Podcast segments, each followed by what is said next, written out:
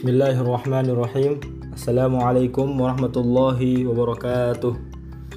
Oke kembali lagi bersama kita di podcast Salim dan Zakaev. Insya Allah pada episode kali ini kita akan melanjutkan pembahasan mengenai perang Ahzab. Jadi pada episode sebelumnya telah kita ketahui bahwasannya uh, Bani Quraidah yaitu suku Yahudi yang masih berada di Madinah mereka akhirnya mengkhianati Rasulullah SAW dan perjanjian yang terjadi di antara uh, kedua pihak. Nah, kaum muslimin pun berada dalam posisi yang sangat sulit. Sementara itu, dari arah belakang jadi Madinah, dari arah belakangnya tidak ada sesuatu yang melindungi mereka dari pukulan Bani Quraidah. Jadi Bani Quraidah itu memang letak uh, apa perkampungan mereka itu di persis di belakang Madinah gitu. Jadi Rasulullah dikepung dari utara oleh kaum Ahzab, oleh sekutu yaitu Ghatafan dan Quraisy. Sedangkan dari selatannya dari bagian selatan mereka di, uh, dikepung oleh Quraidah gitu. Jadi Rasulullah Shallallahu alaihi wasallam dan kota Madinah dikepung dari segala penjuru gitu. Anak-anak dan para istri mereka berada di dekat kaum pengkhianat itu yaitu kaum Yahudi tersebut dan tanpa suatu pengawalan. Men mereka seperti apa yang dikatakan oleh Allah Subhanahu wa taala dalam Al-Qur'an? idzaukum min fawqikum wa min asfala minkum wa idh absar wa balaghatil qulubul hanajir wa tadhunnuna billahi dhununa hunalika batuliyal mu'minuna wa zulzilu zilzalan shadida artinya dan ketika tidak tetap lagi penglihatanmu dan hatimu naik menyesak sampai ke tenggorokan dan kamu menyangka terhadap Allah dengan bermacam-macam prasangka di situlah orang-orang mukmin diuji dan hatinya diguncangkan dengan guncangan yang sangat dahsyat. Al-Ahzab ayat 10 dan 11. Sikap nifak ini juga muncul dari sebagian orang-orang munafik sehingga mereka berkata, yang artinya Muhammad telah menjanjikan kita untuk makan dari perbendaharaan Kisra dan Kaisar. Padahal sekarang ini seseorang tidak merasa aman jika hendak pergi buang hajat. Dan sebagian lagi berkata, Sesungguhnya rumah-rumah kami terbuka bagi musuh, maka izinkanlah kami untuk keluar, lalu kami pulang ke perkampungan kami, karena perkampungan kami berada di luar kota Madinah. Bani Salama juga hampir semangat. Tentang mereka itu Allah Subhanahu wa taala berfirman, "Wa idh yaqulu al-munafiquna wal-ladzina qulubihim maradun ma wa'adana Allah wa rasuluhu illa. Wa idh qalat ta'ifatun minhum ya ahli Yathrib la muqama lakum farji'u wa yasta'dhinu fariqun minhumun nabiyya yaquluna inna buyutana 'aurah wa ma hiya bi'auratin yuriduna. Artinya dan ingatlah ketika orang-orang munafik dan orang-orang yang di dalam hatinya terdapat, terdapat penyakit berkata, Allah dan Rasulnya tidaklah menjanjikan kepada kami melainkan hanya tipu daya dan ingatlah juga ketika segolongan di antara mereka berkata, Hai penduduk Yathrib, tidak ada tempat bagimu, maka kembalilah saja ke rumah masing-masing. Dan sebagian dari mereka meminta izin kepada Nabi untuk kembali pulang dengan berkata, Sesungguhnya rumah-rumah kami terbuka, tidak ada penjaga yang maksudnya. Padahal rumah-rumah itu sekali tidaklah terbuka, mereka tidak lain hanyalah hanya hendak lari. Al-Ahzab ayat 12 sampai 13. Ketika mendengar berita tentang pengkhianatan orang-orang Yahudi Bani Quraidah, Rasulullah SAW merasa tertekan sampai menutup mukanya dengan kainnya lalu berbaring cukup lama sehingga membuat para sahabat semakin cemas. Beliau lalu bangun kembali seraya berkata penuh harap, Allahu Akbar, abshiru ya ma'asyaral muslimin, bifathillah wa nasrihi. Yang artinya, Allahu Akbar, bergembiralah wahai kaum muslimin, Allah akan memenangkan dan menolong kita. Setelah itu, beliau mulai mengambil langkah untuk menghadapi situasi saat itu. Sebagian sebagai bagian dari rencana, beliau mengirimkan pengawal ke Madinah untuk melindungi anak-anak dan kaum wanita dari serangan mendadak. Namun diperlukan suatu keberanian yang luar biasa dan mampu mengalahkan pasukan sekutu gitu. Untuk mewujudkan tujuan ini, beliau uh, berkehendak untuk mengadakan perjanjian damai dengan Uyainah bin Hisun dan Al Harith bin Auf yaitu pemimpin Bani Khatafan. Beliau akan meminta kedua pemimpin itu untuk mundur beserta kaumnya dan membiarkan kaum muslimin untuk segera menimpakan kekalahan berat terhadap orang-orang Quraisy yang memiliki kekuatan handal. Sebagai imbalan dari perjanjian tersebut, beliau akan bersedia menyerahkan sepertiga hasil buah-buahan Madinah kepada Bani Ghatafan gitu.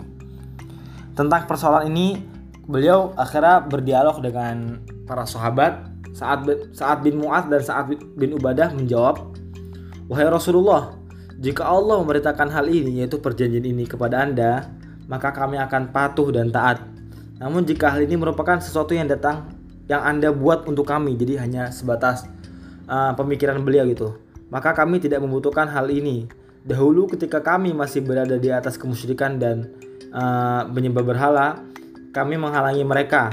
Mereka tidak bisa makan satu buah pun dari Madinah kecuali dengan cara dijamu atau membeli.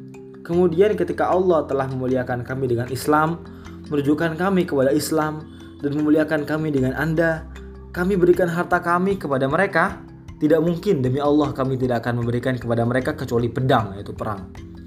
Beliau akhirnya membenarkan pendapat kedua sahabat tersebut dan berkata, sesungguhnya itu hanyalah sesuatu yang aku buat untuk kalian jadi sebagai uh, apa pandangan beliau aja gitu bukan wahyu dari Allah Subhanahu Wa Taala karena aku melihat orang-orang Badui telah bersekutu untuk menghadapi kalian. Kemudian Allah Azza wa Jalla segala puji baginya membuat suatu perkara. Akhirnya Allah membuat suatu perkara sebagai jalan untuk menundukkan musuh dan memporak-porandakan kekuatan mereka. Itu seseorang dari Ghatafan bernama Nuaim bin Mas'ud bin Amir al-Ashja'i radhiyallahu anhu datang kepada Rasulullah wasallam dan berkata, "Wahai Rasulullah, aku telah masuk Islam dan kaumku tidak mengetahui tentang keislamanku. Perintahkanlah aku untuk melakukan apa saja yang kau kendaki." Rasulullah wasallam berkata, "Kamu adalah satu-satunya orang yang akan dapat membantu kami. Doronglah mereka untuk meninggalkan peperangan semampumu, sebab peperangan itu adalah tipu daya." Nuaim segera berangkat mendatangi Bani Quraidah. Di masa jahiliyah, Nuaim dipandang sebagai keluarga mereka gitu. Jadi ada solidaritas gitu.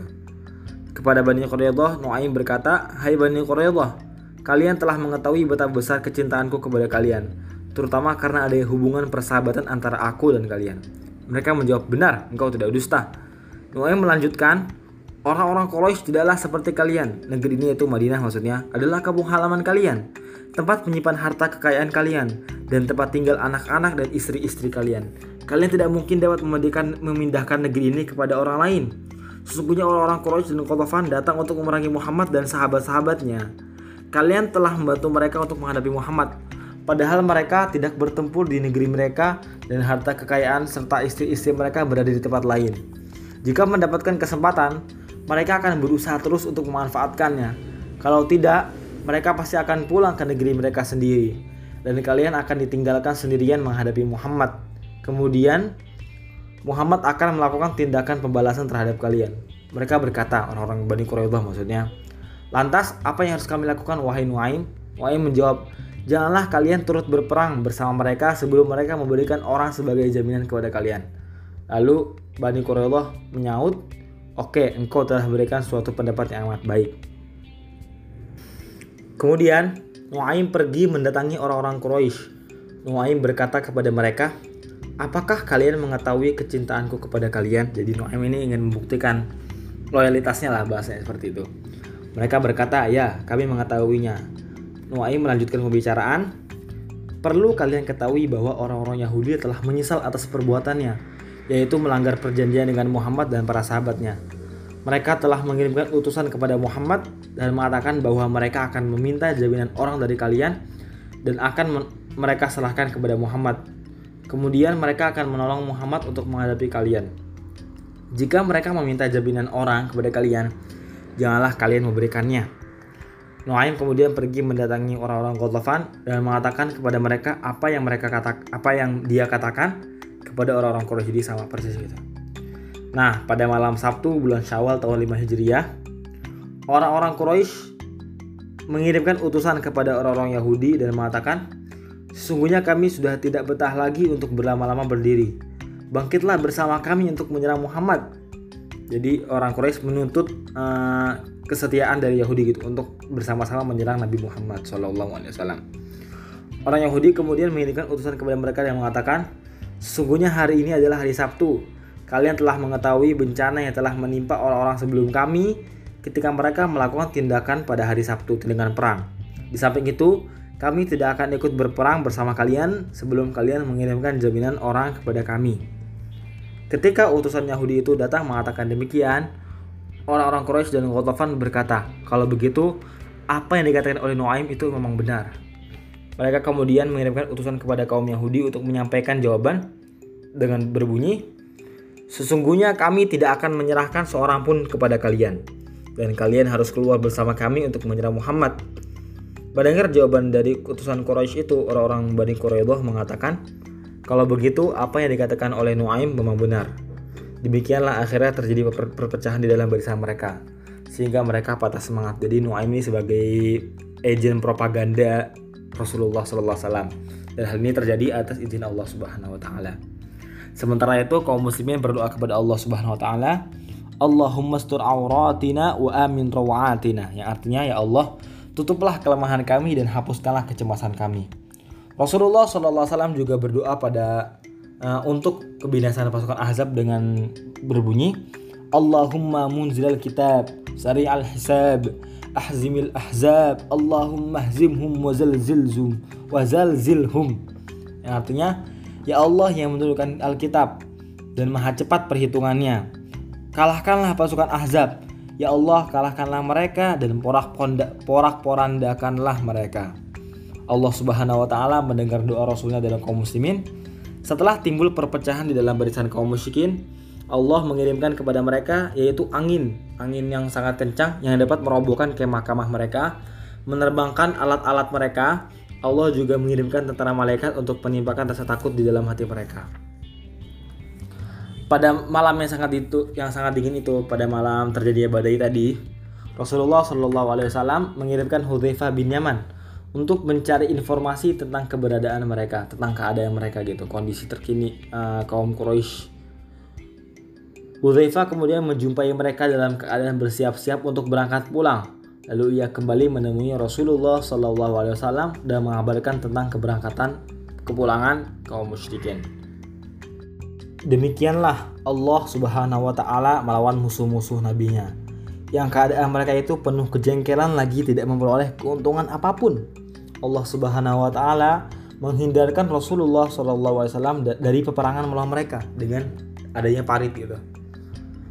Allah juga telah memenuhi janjinya, telah memenangkan pasukannya, menolong hambanya, dan mengalahkan pasukan Ahzab dengan kekuasaannya sendiri. Keesokan harinya Rasulullah SAW akhirnya pulang ke Madinah. Menurut pendapat yang paling sahih, perang Ahzab terjadi pada bulan Syawal tahun 5 Hijriah. Peperangan yang dilakukan oleh kaum musyrikin terhadap Rasulullah SAW dan kaum muslimin berlangsung selama sebulan atau hampir sebulan. Setelah mengumpulkan berbagai sumber, Aneh rasa tampaknya awal pengopoan itu terjadi pada bulan Syawal dan berakhir pada bulan Dzulqa'dah. Menurut Ibnu Mas'ud bahwasanya Rasulullah SAW pulang dari uh, perang Ahzab pada hari Rabu pada pekan terakhir bulan Dzulqa'dah. Perang Ahzab ini sesungguhnya bukanlah peperangan yang mendatangkan kerugian besar, namun lebih bersifat perang urat syaraf. Di dalamnya tidak terdapat pertempuran seru. Meskipun demikian, Perang Ahzab termasuk peperangan yang menentukan dalam sejarah Islam. Peperangan yang berhasil memporak-porandakan barisan kaum musyrikin. Peperangan ini memberikan indikasi bahwa kekuatan apa pun yang dimiliki oleh bangsa Arab tidak dapat menghancurkan kekuatan kecil yang sedang tumbuh di Madinah. Sebab orang-orang Arab tidak dapat menghimpun pasukan yang lebih kuat dari pasukan yang berhasil mereka himpun dalam perang Ahzab. Oleh karena itu, ketika Allah Subhanahu wa taala menghalau pasukan Ahzab, Rasulullah sallallahu alaihi wasallam berkata, Al-an naghzuhum wa la yaghzunana. Nahnu nasiru ilaihim. Ya, artinya sekarang kitalah yang akan menyerang mereka bukan mereka yang menyerang kita. Kitalah yang akan mendatangi mereka. Nah, akhirnya perang Ahzab selesai gitu. Oke, mungkin sekian pada episode kali ini. Kurang lebih mohon maaf. Barakallahu fikum. Wassalamualaikum warahmatullahi wabarakatuh. Jangan lupa saksikan episode-episode podcast yang lain. Oke.